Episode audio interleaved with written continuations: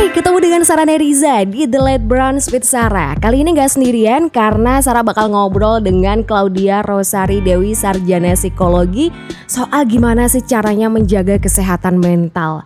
Wah, di penghujung tahun 2019 ini kayaknya emang sedikit pengen membahas sekaligus juga merefleksikan kira-kira tahun 2019 ini seberapa berat sih atau seberapa menantang sih.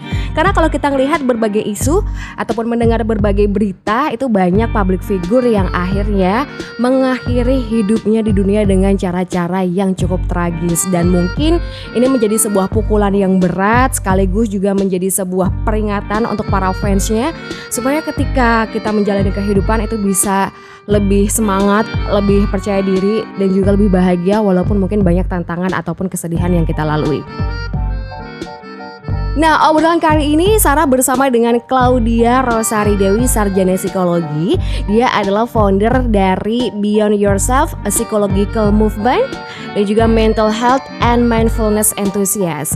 Nah, Rosa, di tahun 2019 ada sebuah film nih yang cukup mencuri perhatian dunia, Joker, ya kan?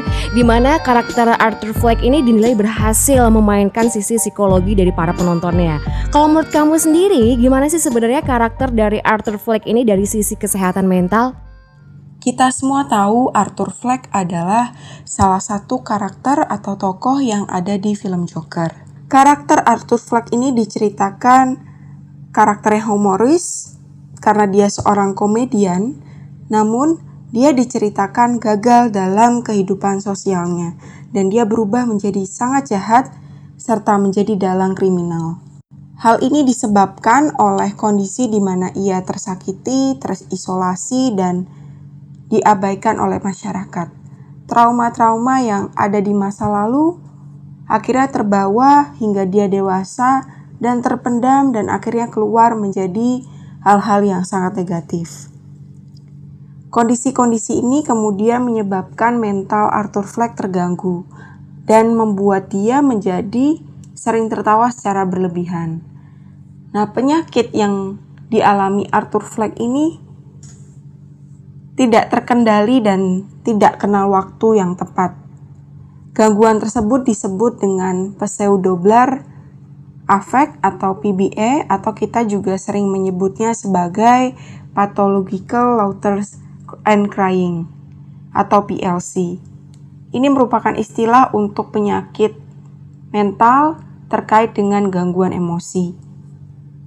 Kondisi ini menyebabkan seseorang menjadi tertawa tiba-tiba atau menangis tidak tiba-tiba dengan cara yang tidak normal dan tanpa dipicu oleh sebab apa pun. Namun kadang-kadang dampak dari PBA ini sendiri tidak selamanya bertentangan dengan keadaan atau suasana hatinya. Jadi misalnya ketika memang suasana hatinya sedang sedih, dia juga akan mengungkapkan ekspresi sedih. Ketika dia sedang bahagia, dia juga akan mengungkapkan ekspresi yang bahagia atau tertawa. Namun, perbedaannya dengan kebanyakan orang adalah mereka akan mengungkapkan ekspresinya secara berlebihan. Misalnya, ketika dia ketawa, dia akan tertawa sangat berlebihan, atau dia menangis, dia akan sangat-sangat mengeluarkan ekspresi tangisan itu berlebihan. Nah, jadi kita bisa bayangin ya, betapa bahayanya orang yang terkena penyakit mental seperti yang diidap Joker. Ketika ada suasana berkabung, sedih, orang ini justru tertawa berlebihan dan tanpa sebab yang jelas, atau justru ketika kondisinya sedang bahagia, sedang sangat senang, orang ini justru akan mengeluarkan ekspresi yang sangat sedih. PBE yang parah tentu akan menyebabkan rasa malu, isolasi sosial, atau kecemasan, bahkan hingga depresi. Dan tentu ini akan sangat mengganggu kehidupan sehari-hari. Sayangnya, gangguan PBE ini sulit untuk didiagnosis karena sulit untuk membedakan dengan masalah emosional lainnya.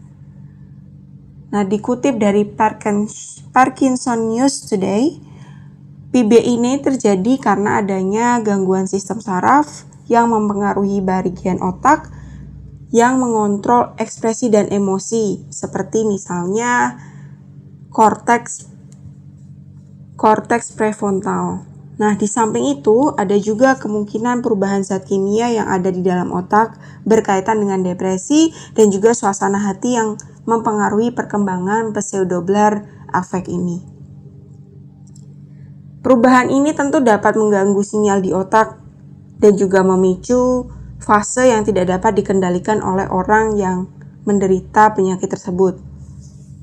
Dan biasanya pseudoblar ini terjadi dengan orang yang memiliki kepada orang yang memiliki kondisi neurologis atau cedera termasuk stroke, Alzheimer, Parkinson atau epitropic lateral sclerosis, multiple sclerosis, tumor otak, cedera otak, dan lain sebagainya.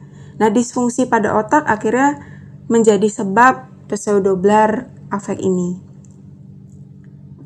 Tentunya ada hal-hal yang dapat dilakukan untuk mengurangi efek dari penyakit ini, yaitu misalnya dengan mengubah gaya hidup atau mengubah perilaku, mengubah pola makan, dan lain sebagainya.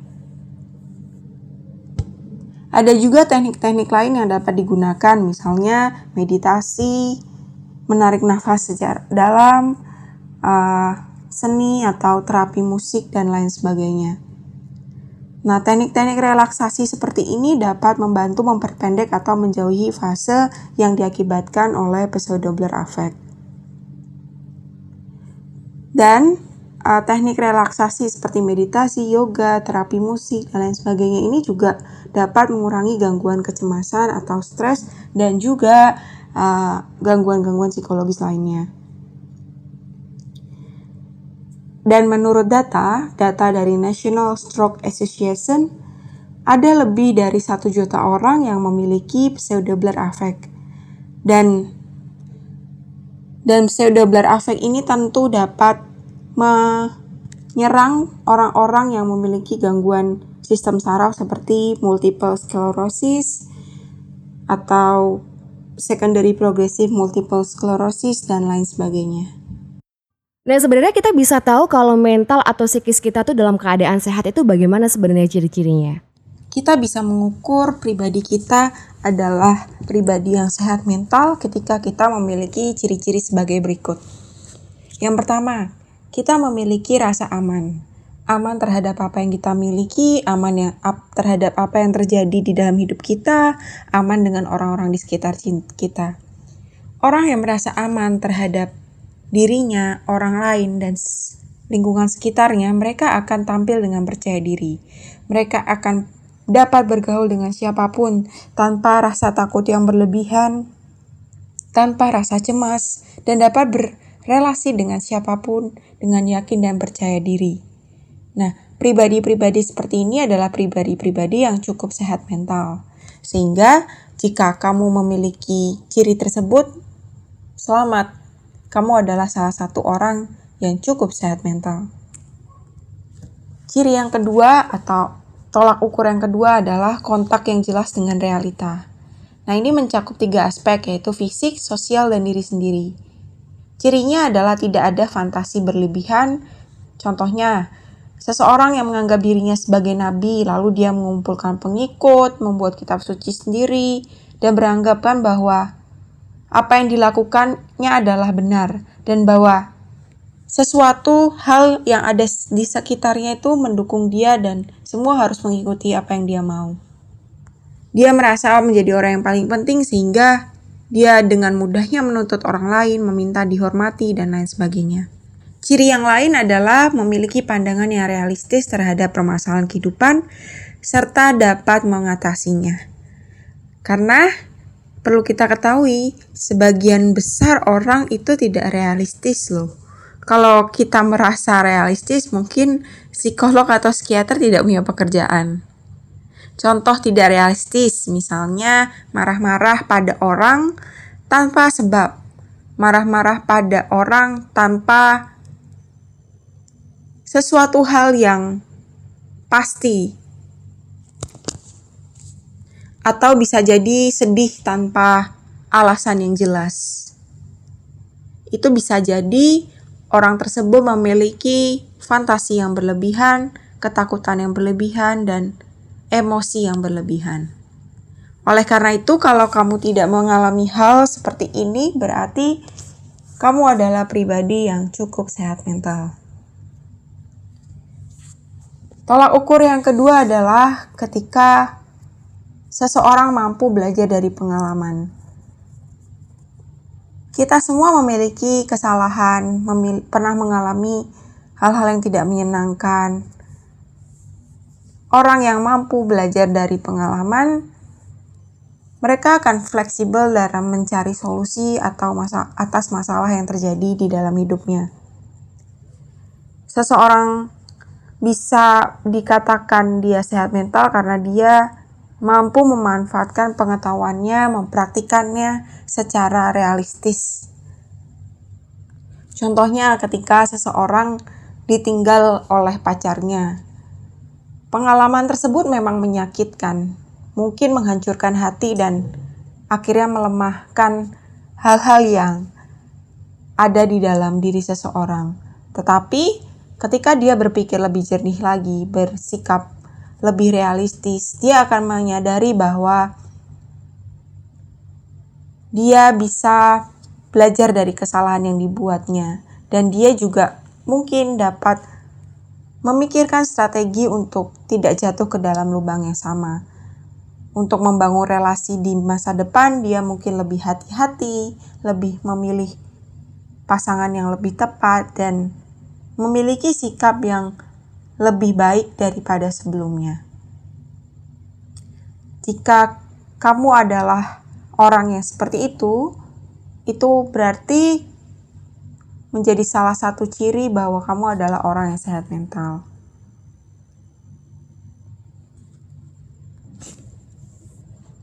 Tolak ukur lainnya adalah ketika kita merasa dapat menilai diri kita sendiri dengan baik.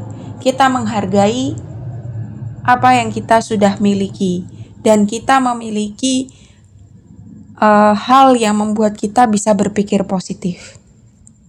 Ketika kita sadar bahwa kita adalah manusia yang berharga, kita adalah manusia yang berarti. Kita tidak mungkin akan melakukan hal-hal yang negatif. Ini merupakan contoh pribadi yang sehat. Meskipun kita melakukan kesalahan, meskipun hal-hal yang tidak menyenangkan terjadi di sekitar kita, tetapi kita tetap bisa menghargai, kita tetap bisa menilai diri kita positif, kita bisa belajar dari kesalahan.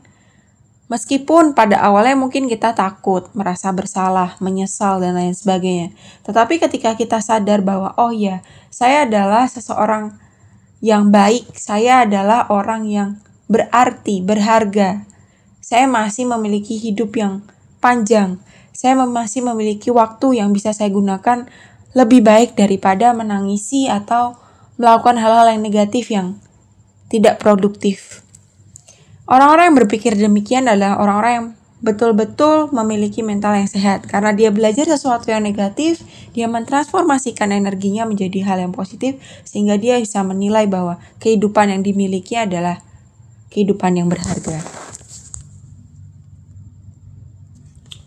Dan yang berikutnya adalah ketika seseorang memiliki tujuan hidup yang wajar. Banyak orang tidak memiliki tujuan hidup sehingga mereka menjalani hari-harinya dengan perasaan hampa.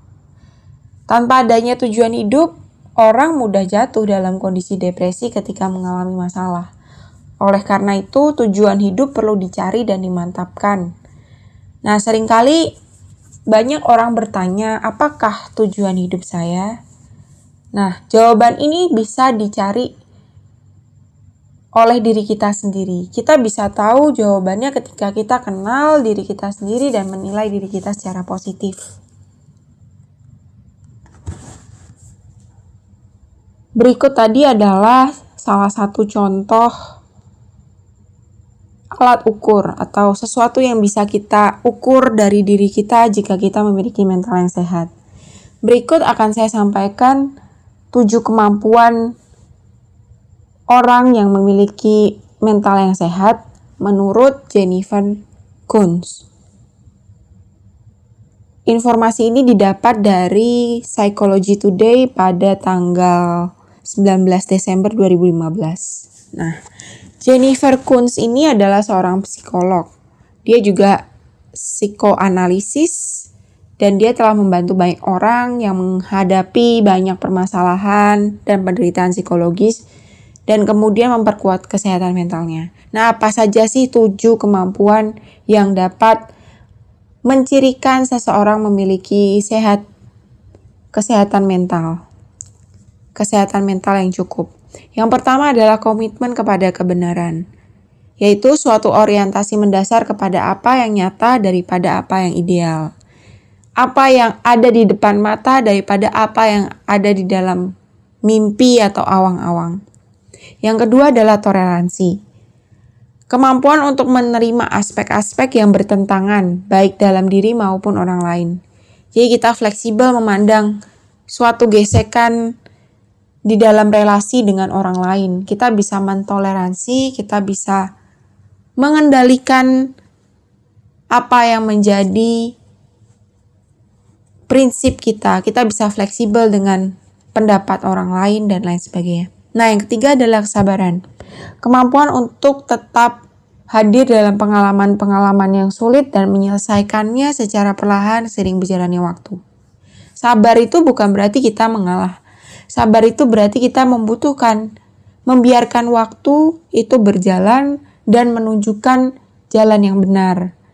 Kita mengikuti prosesnya sehingga kita dapat mendapatkan jawaban yang benar.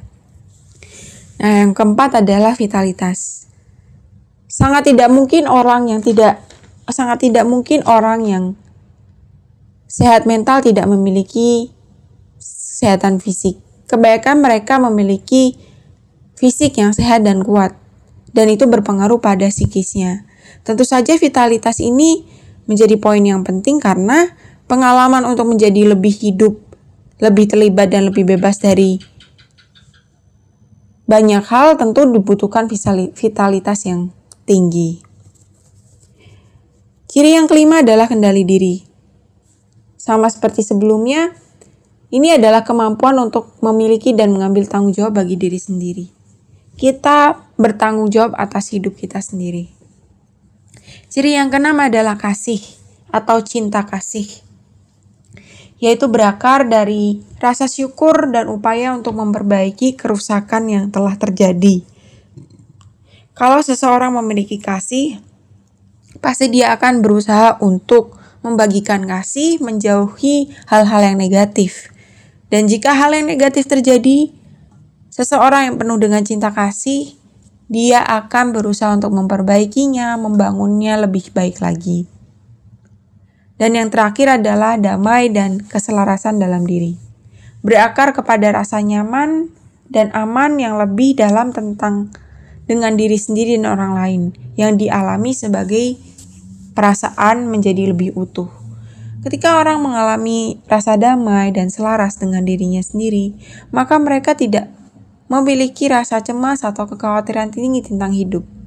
Mereka menerima dirinya di sini dan saat ini.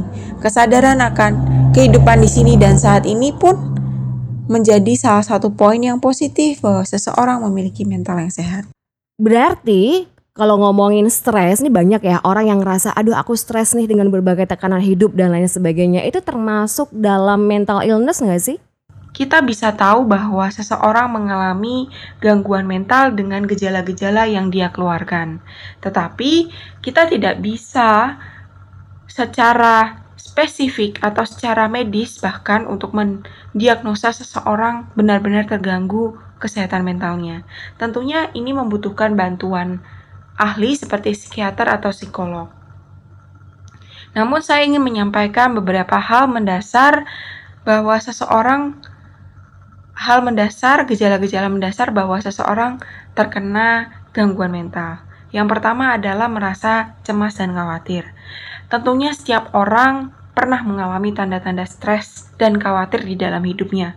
Namun kecemasan dan khawatir yang terjadi secara menerus secara terus-menerus atau berulang-ulang merupakan tanda dari kesehatan mental seseorang, apalagi jika disertai dengan gejala lainnya seperti jantung berdebar, sakit kepala, sesak napas, gelisah, diare, dan bahkan pikiran yang tidak selalu tenang.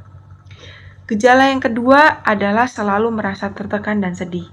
Biasanya ini diperlihatkan dari mulai hilangnya minat pada hobi yang disukai, selalu merasa sedih, mudah tersinggung dengan hal apa pun yang terjadi, lelah sepanjang waktu, kurang merasa bersemangat, dan lainnya. Hal ini mungkin saja menandakan depresi, namun juga bisa menandakan kesehatan mental yang sedang terganggu. Gejala yang ketiga adalah mengalami kesulitan tidur. Umumnya, manusia membutuhkan waktu sekitar 7-9 jam untuk tidur setiap malam. Jika waktu tidur seseorang sangat kurang, maka hal tersebut dapat mempengaruhi kesehatan fisik seseorang. Namun masalahnya, gangguan mental yang dialami seseorang terkadang menyebabkan orang mengalami jenis-jenis gangguan tidur yang menyebabkan orang tersebut sulit merasa ngantuk seperti mengalami insomnia.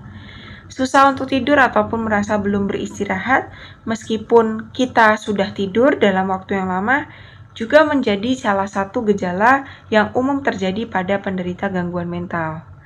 Kurang tidur juga dapat dikaitkan dengan gangguan tidur yang biasanya dikenal dengan sleep apnea, serta adanya ketidakseimbangan hormon.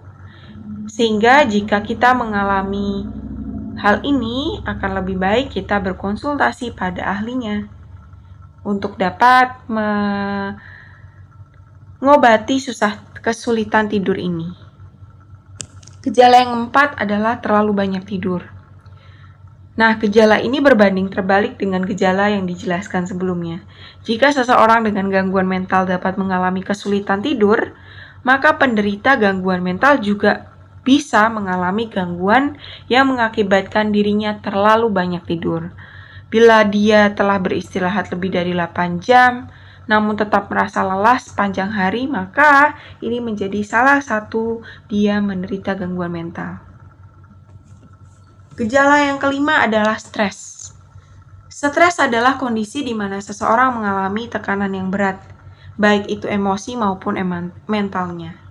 Seseorang yang mengalami stres tentunya menjadi mudah gelisah, cemas, dan tersinggung. Stres juga dapat mengganggu konsentrasi dan memicu terjadinya depresi tak hanya dapat berpengaruh pada kondisi psikologi penderita, namun stres juga akan berpengaruh pada kesehatan fisik seseorang.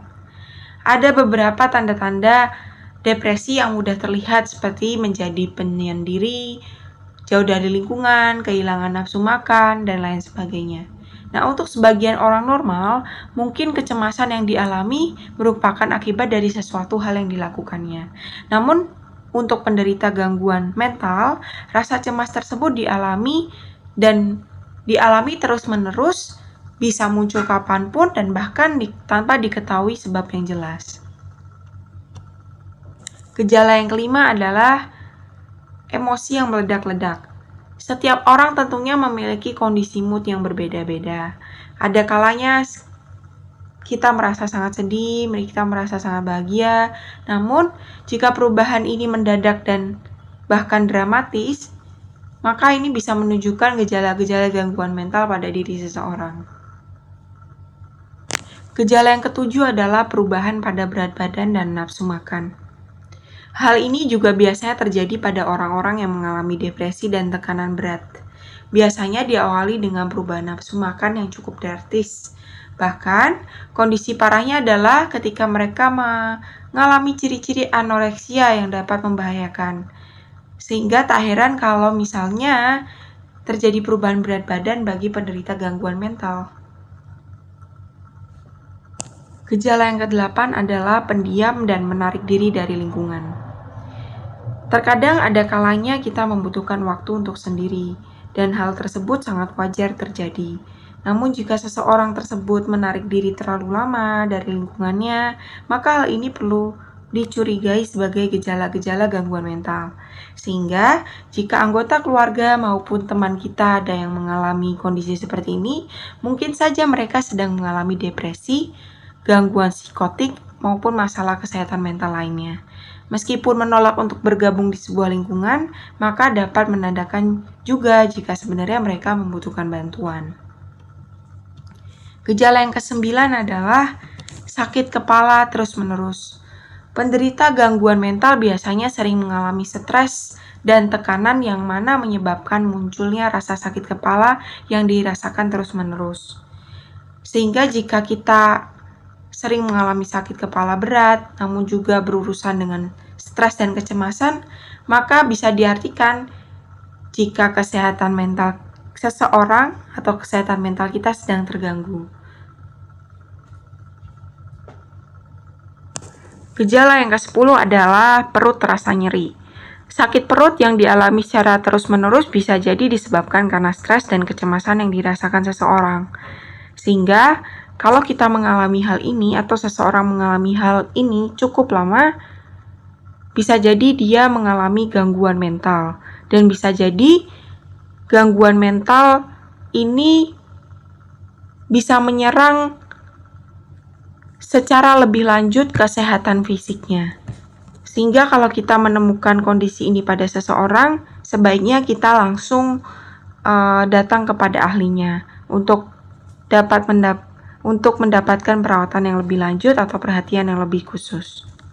Gejala yang ke-11 adalah perubahan mood yang terlalu lama. Perubahan mood dapat terjadi bahkan lebih dari dua minggu, bisa menjadi tanda-tanda yang kuat jika seseorang ter mengalami gangguan mental.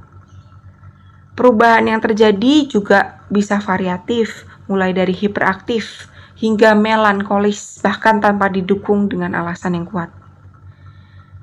Hal ini dijelaskan oleh salah satu ahli dari The National Institute of Mental Health bahwa perilaku yang terlalu gembira ataupun terlalu sedih ini bisa menjadi salah satu gangguan mental atau gangguan yang biasa kita sebut dengan bipolar dalam diri seseorang. Eh, gejala yang ke-12 adalah sulit untuk berkonsentrasi. Orang yang mengalami gangguan mental memiliki ketidakmampuan untuk fokus atau konsentrasi yang sederhana sekalipun, dan ini bisa menjadi salah satu gejala ADHD dan depresi yang paling tampak.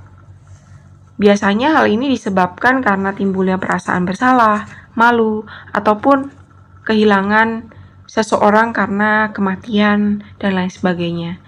Kalau misalnya hal ini menyerang anak-anak, tentu akan mengganggu hal-hal akademis dan mengganggu per pergaulan sosialnya. Gejala yang ke-13 adalah tak memperdulikan penampilan diri sendiri. Pernah nggak kita lihat seseorang yang cuek ketika ada noda di baju dia atau ada kotoran di baju dia. Nah, hal ini mungkin bukan dikarenakan dia malas untuk mengganti atau membersihkan, namun bisa jadi orang ini memiliki kemungkinan mengidap gangguan mental yang cukup serius. Misalnya, stres berat yang mana berdampak pada jiwa dan raga. Tidak hanya menyurutkan energi, namun juga dapat menyurutkan motivasi untuk berbuat baik atau berpikir secara logis. Gejala yang ke-14 adalah indera penciuman yang tidak berfungsi. Gejala gangguan mental yang cukup parah ini bisa terlihat dari mulai tidak berfungsinya indera penciuman seseorang. Nah, bila kita atau kerabat kita atau orang yang kita kenal mulai cuek dengan kondisi bau yang tidak sedap di dalam lingkungan, bisa jadi ini menandakan bahwa tingkat stres yang dialami benar-benar akut atau kronis. Gejala yang ke-15 adalah merasa tidak berguna dan bersalah. Selalu merasa berpikir jika diri kita gagal dan selalu melakukan kesalahan menjadi tanda-tanda jika kita atau seseorang mengalami gangguan mental. Nah, penderita gangguan mental sering kali menyalahkan dan mengkritik dirinya sendiri. Hal ini sebenarnya menunjukkan jika dia sebenarnya membutuhkan bantuan. Bahkan kondisi yang terparah diperlihatkan oleh seseorang yang menyakiti dirinya sendiri. Sehingga kalau kita menemukan tanda-tanda seperti ini, alangkah lebih baik kita menemui ahlinya. Oh ya Rosa, sekarang ini kayaknya ada tren orang itu dengan mudah melabeli atau mendiagnosis dirinya memiliki penyakit mental kayak misalnya obsesif compulsive disorder atau bipolar atau pokoknya penyakit lain gitu ya yang seolah-olah ketika mengidap penyakit tersebut itu kelihatan keren. Kok bisa sih hal ini terjadi? Saat ini banyak orang-orang yang secara tidak langsung mendiagnosis orang lain atau dirinya sendiri mengidap gangguan mental seperti OCD, bipolar, dan lain-lain, dan tanpa adanya diagnosis medis. Perilaku ini benar-benar sesuatu yang cukup berbahaya karena kita memutuskan kita memiliki gangguan mental, bahkan hanya dengan berdasarkan pengetahuan kita sendiri. Pengetahuan tersebut bisa jadi didapatkan dari internet, membaca, dan lain sebagainya. Tetapi kita bukanlah ahli, sehingga kita tidak bisa mendiagnosis hal seperti itu. Selain berdampak pada kemanikan yang tidak perlu, mendiagnosis diri sendiri tanpa pendapat ahli juga berbahaya untuk tindakan yang lainnya. Misalnya, seseorang bisa saja mengonsumsi obat yang salah setelah dia merasa dia memiliki gangguan mental, atau seseorang bisa saja menyebarkan info yang salah ke orang lain sehingga dapat menyebabkan kekacauan yang lainnya. Jika memang merasa ada yang salah dengan diri kita atau ada yang salah dengan orang yang kita kenal, lebih baik kita segera mengkonsultasikannya dengan ahlinya Misalnya ketika kita merasa ada yang salah dengan fisik kita, kita bisa langsung ketemu dengan dokter. Kalau kita merasa gelisah, cemas, dan takut tidak karuan, dan kita tidak bisa mengontrolnya lagi, dan kemudian menyerang fis fisik kita, ada baiknya kita langsung bertemu dengan ahlinya, kita bisa langsung datang ke psikolog atau ke psikiater. Kenapa sih orang-orang tersebut dapat dengan mudahnya mendiagnosis atau kenapa sih tren ini terjadi? Karena terkadang bertemu langsung dengan ahlinya memang menimbulkan keraguan karena berbagai penyebab. Orang-orang cenderung takut untuk bertemu dengan psikolog dan psikiater. Bayangkan, orang-orang selalu mencap seseorang yang pergi ke psikiater atau ke psikolog adalah orang-orang yang sakit jiwa. Betapa hal itu menyebabkan ketakutan bagi orang-orang yang ingin secara tulus atau secara jujur ingin mengetahui atau setidaknya cek kesehatan mentalnya ke psikolog atau ke psikiater. Tapi mereka menjadi takut karena ada stigma-stigma seperti itu. Orang takut berkonsultasi dengan psikolog karena takut akan stigma negatif di sekitar mereka. Padahal, menyimpan kekhawatiran sendiri atau berusaha mencari tahu sendiri juga tidak akan menyelesaikan masalah. Dan perlu diketahui bahwa khusus untuk gangguan psikologis, seseorang baru bisa dinyatakan memiliki gangguan ketika ada pendapat langsung yang dikatakan oleh psikolog atau psikiater. Seberapa parah gangguan yang dimiliki, bagaimana penanganan yang harus diberikan, dan apa yang harus dilakukan, itu hanya bisa diterapkan oleh ahlinya. Oleh karena itu, sebelum meyakini diri kita sendiri bahwa kita memiliki masalah kesehatan mental atau orang-orang di sekitar kita mengalami kesehatan mental hanya berdasarkan informasi dari internet, Nah, sebaiknya kita menemui psikiater atau psikolog terlebih dahulu untuk mengkonfirmasi apa yang kita alami. Penetrasi internet dalam waktu aspek kehidupan memang memudahkan kita untuk mengakses beragam informasi. Dalam masyarakat yang serba praktis dan instan, bukan hal yang aneh jika setiap orang selalu mencari informasi dan konfirmasi hanya lewat satu sumber, yaitu internet. Dan hal ini perlu sangat-sangat diingat oleh kita. Cocok logi atau self-diagnosis, mencocok-cocokkan apa yang ada di internet dengan kondisi kita bahwa kita mengalami penyakit mental atau tidak itu sangat berbahaya. Sehingga sangat saya, saya sarankan kepada mereka yang merasa ada sesuatu yang tidak beres di dalam dirinya langsung berkonsultasi dan mengkonfirmasi hal ini kepada psikolog atau psikiater. Nah, supaya tahun 2020 ini kita semakin sehat baik secara fisik dan juga mental, menurut Rosa sendiri gimana sih caranya menjaga kesehatan mental kita? Apa yang harus kita lakukan? Yang pertama adalah menerima dan menghargai diri sendiri. Siapa yang dapat menerima dan menghargai diri kita sendiri kalau kita tidak memulainya dari diri sendiri? Kita tidak mungkin meminta orang lain menghargai dan menerima diri kita sendiri jika kita tidak menghargai dan menerima diri kita terlebih dahulu. Hal ini adalah hal yang sangat basic. Hargai diri kita sendiri, kenali dan terima kelemahan yang kita miliki, namun fokus pada hal-hal yang menjadi kelebihan kita. Dan juga bersikaplah lebih realistis terhadap hal-hal yang masih kita ingin ubah dalam diri kita. Jika hal itu dapat dirubah, cobalah untuk mengubahnya secara perlahan. Namun jika hal itu tidak bisa dirubah, kita harus menerimanya dengan lapang dada. Kita tidak bisa menerima orang lain kalau kita tidak menerima atau menghargai diri kita terlebih dahulu. Yang kedua adalah menjaga hubungan baik. Tidak perlu berjuang sendirian saat kita menghadapi suatu masalah. Hubungan keluarga dan teman yang baik itu dapat mengatasi tekanan dalam hidup yang kita alami. Mereka dapat memberikan masukan, memberikan kita perhatian, mencintai kita, menghargai kita, menghormati kita, mendukung kita di dalam segala situasi. Itu adalah sumber kesehatan mental yang perlu kita perhatikan. Yang ketiga adalah aktif berkegiatan atau aktif bersosialisasi.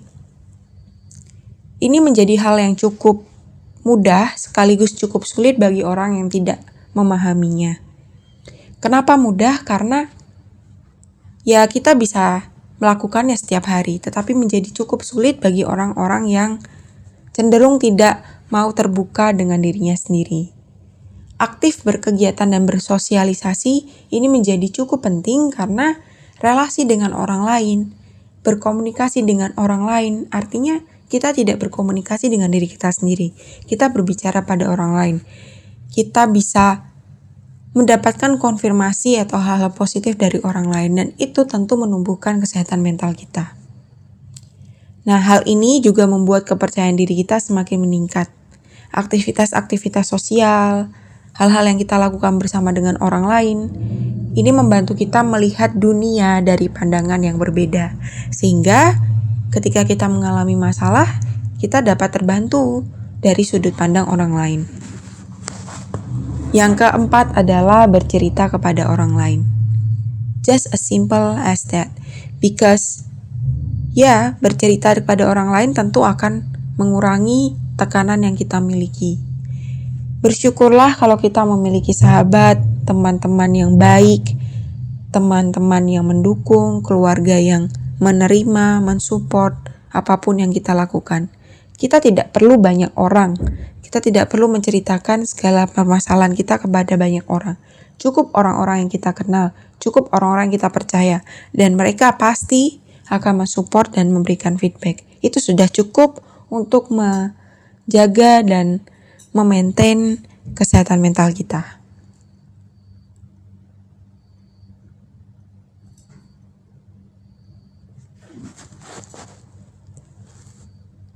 Yang kelima adalah berolahraga. Ini penting teman-teman karena tidak mungkin kita memiliki fisik yang sehat kalau kita tidak melakukan banyak exercise atau setidaknya olahraga yang rutin, meskipun hanya seminggu sekali, tetapi itu adalah salah satu bagian dari kita menghargai diri kita sendiri. Kenapa? Karena di dalam tubuh yang sehat tentu ada jiwa yang sehat juga.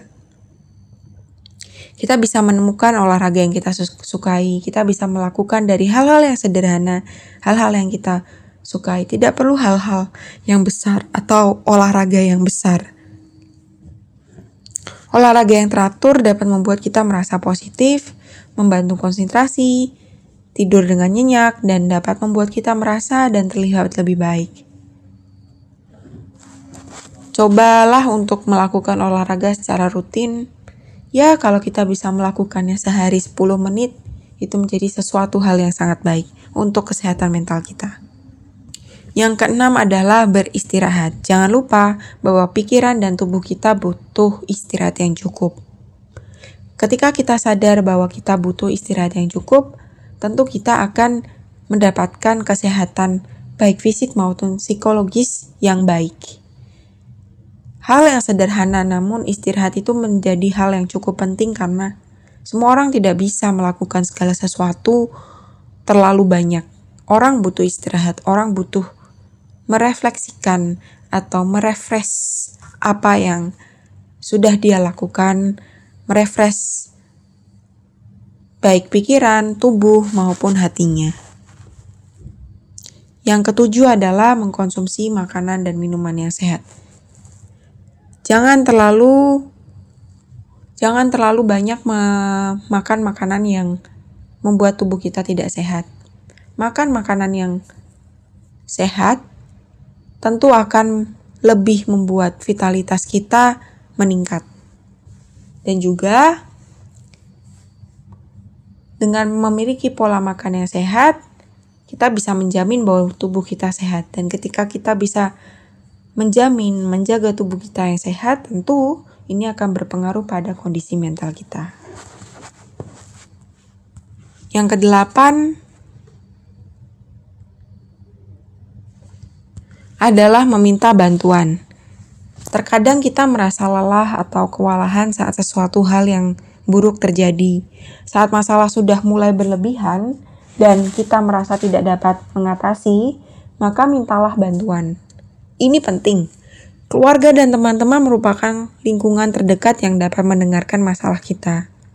Selain itu, kita juga dapat berdoa atau bersembayang dengan sesuai dengan kepercayaan kita masing-masing. Jika kita mengalami masalah fisik, pergilah ke dokter. Temuilah dokter. Begitu juga ketika kita memiliki masalah psikologis, jangan pernah malu untuk menemui psikolog atau psikiater, bahkan pemuka agama sekalipun. Pokoknya jangan pernah malu untuk meminta pertolongan para ahli demi kesehatan mental yang baik. Setiap orang memerlukan bantuan dari waktu ke waktu dan tidak ada yang salah dengan meminta bantuan. Kenyataannya meminta bantuan merupakan tanda adanya kekuatan personal. Tidak ada yang namanya orang yang meminta bantuan adalah orang yang lemah. Tidak. Orang yang meminta bantuan adalah orang yang tahu bahwa dia membutuhkan petunjuk. Dia membutuhkan masukan, dia membutuhkan hal untuk membuat hidupnya lebih baik. Dan ini tentu akan sangat-sangat membantu kita untuk meningkatkan kehidupan kita, baik secara fisik maupun secara mental. Yang kesembilan adalah belajar menangkal stres. Stres dan masalah ada bagian da adalah bagian dari kehidupan.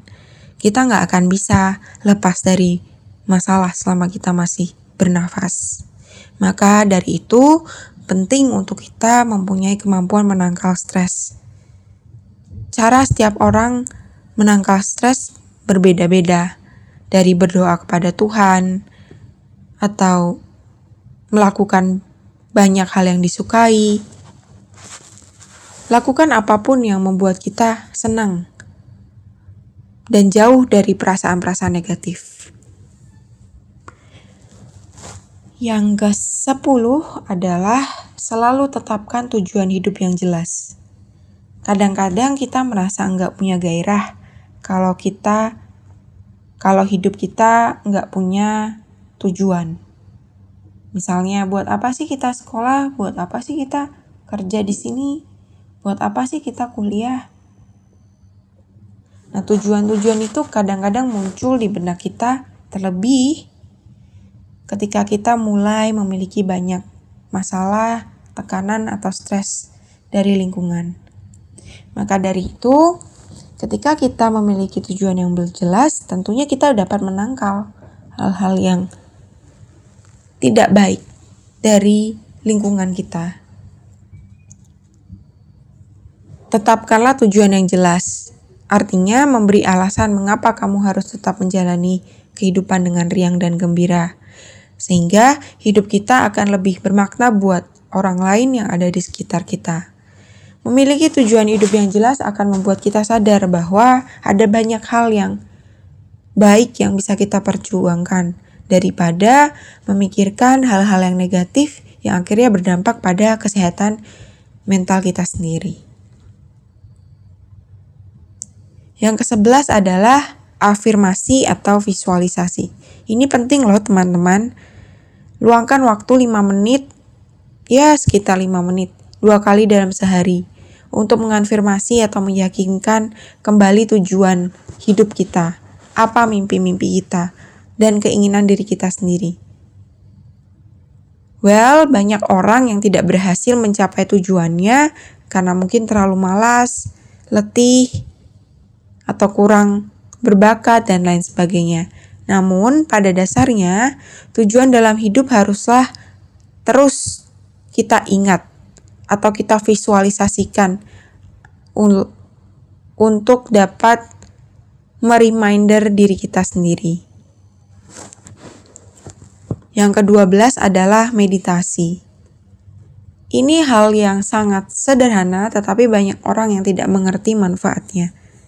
Meditasi, yoga, atau jenis olahraga relaksasi yang lainnya, aktivitas relaksasi yang lainnya, ini benar-benar sangat membantu. Kemajuan yang dialami seseorang selalu datang dan dimulai dari sendiri, diri sendiri. Segala hal yang negatif yang ada di sekitar kita jangan sampai merusak kesehatan mental secara perlahan. Oleh karena itu, luangkan waktu untuk diri kita sendiri untuk meditasi. Entah itu 10 menit, 15 menit, atau 30 menit dalam sehari. Mungkin 30 menit adalah waktu yang ideal jika kita bisa melakukannya. Terutama sebelum kita tidur. Tapi kalau misalnya kita tidak bisa melakukannya atau kita terlalu sibuk, dan merasa bahwa ini menyita waktu kita, kita bisa cukup melakukannya hanya dua menit sehari.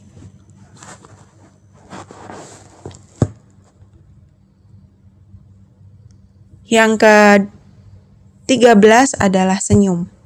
Well, meskipun ini terkenal terdengar sangat klise, tapi senyuman selalu dapat mengubah dunia menjadi lebih positif. Senyum tak hanya baik untuk diri kita sendiri, namun juga dengan untuk orang lain. Lupakan anggapan miring tentang memberikan senyum kepada orang lain dan rasakan manfaatnya menularkan aura positif kepada orang lain untuk diri sendiri.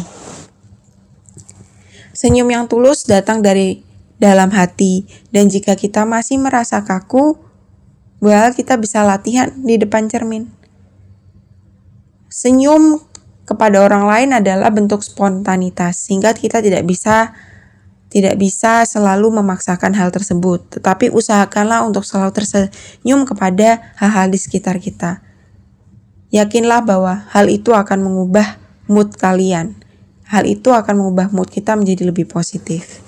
Kalau pada akhirnya kita menjalani kehidupan itu naik turun dan di posisi kita sedang turun, terus kita ngerasa ada hal-hal yang mengganggu atau kita merasa psikis kita tidak sedang baik-baik saja, kepada siapa sih kita seharusnya minta bantuan? Ketika kita tahu ada ciri-ciri gangguan mental di dalam diri kita atau di dalam diri orang lain, kita harus dengan langsung menemui psikolog atau psikiater untuk meminta bantuan. Jauhi pandangan negatif tentang datang ke psikolog atau psikiater adalah orang gila itu benar-benar salah. Orang yang datang ke psikolog atau psikiater justru adalah orang-orang yang kenal betul dirinya. Paham betul bahwa situasi ini tidak bisa dihadapi sendiri dan butuh bantuan orang lain. Bayangkan, ketika kamu merasa bahwa kamu memiliki gangguan mental atau orang lain memiliki gangguan mental, kemudian kamu menangani diri kamu sendiri, tetapi kamu tidak tahu apa yang harus kamu lakukan dengan pasti atau dengan tepat kamu melakukan tindakan yang lebih buruk lagi, mencari obat yang bisa menenangkan kamu, padahal kamu tidak tahu bahwa obat itu berguna untuk apa secara medis. Itu akan memperburuk keadaan. Bandingkan dengan ketika kamu bertemu dengan orang yang tahu betul bahwa ini gangguan mental atau tidak. Mereka akan membantu dan justru bantuan itu betul-betul akan membantu kita Kalaupun kita memang terdiagnosa oleh mereka memiliki gangguan mental, mereka akan memberikan banyak alternatif agar kita bisa sembuh, agar kita bisa hidup ke, hidup normal seperti biasanya. Jadi, kalau teman-teman di sini memiliki gangguan mental, merasa bahwa ada yang tidak beres di dalam diri teman-teman atau diri orang lain yang teman-teman tahu, langsung menemui ahlinya. Jangan pernah sekalipun mencari konfirmasi di dalam internet. Boleh kita membaca, tetapi ketika kita mencari solusinya, jangan pernah mengambil tindakan yang lebih lanjut lagi hanya berdasarkan informasi dari internet. Dan kalau misalnya teman-teman merasa takut atau malu, mintalah bantuan teman untuk membantu mengungkapkan kepada psikolog atau psikiater. Itu sangat-sangat berharga dan itu sangat-sangat bermanfaat. Kalau kita tidak berani mengungkapkan hal itu langsung kepada psikolog atau psikiater, mintalah bantuan teman untuk mengantarkan kita atau setidaknya menjadi jembatan kita untuk mengungkapkannya kepada psikolog atau psikiater. Semua orang yakinkan bahwa semua orang butuh bantuan. Kita tidak hidup sendirian. Apa yang kita alami dalam hidup ini, negatif ataupun positif, itu adalah alur kehidupan yang harus kita alami. Namun ketika memang kita tidak bisa menanganinya secara dengan diri kita sendiri, sesuai kemampuan kita, tidak salah kita meminta bantuan. Kalau kita tahu bahwa kita tidak beres, itu tidak salah kita meminta bantuan orang lain. Jadi, teman-teman tetaplah terus meningkatkan hal-hal positif di dalam hidup teman-teman untuk meningkatkan kesehatan mental teman-teman. Kalau ada hal-hal yang kurang baik, ada hal-hal yang kurang berkenan, atau hal-hal yang terjadi teman-teman merasa ada yang tidak beres, cobalah untuk berani mengungkapkannya kepada orang-orang di sekitar atau ungkapkan itu pada psikolog atau psikiater untuk mendapatkan penanganan yang lebih lanjut. Kesehatan mental itu sama pentingnya dengan kesehatan fisik. Kita tidak bisa mengignore atau menolak kesehatan mental. Karena di dalam tubuh yang sehat ada jiwa yang sehat. Di dalam jiwa yang sehat tentu akan teraktualisasi tubuh yang sehat juga. Selamat meningkatkan kesehatan mental teman-teman dan jangan lupa untuk selalu berbahagia dan mencintai diri kita apa adanya. Terima kasih. Oke itu tadi obrolan Sarah Neriza bersama Rosa di The Late Brunch Sarah edisi hari ini. Dan semoga apa yang kita obrolkan bisa bermanfaat buat kamu. Dan pastinya kita menutup tahun 2019 dengan lebih bersemangat Dan menyongsong tahun 2020 dengan lebih baik lagi daripada sebelumnya. Sampai ketemu di episode selanjutnya, bye-bye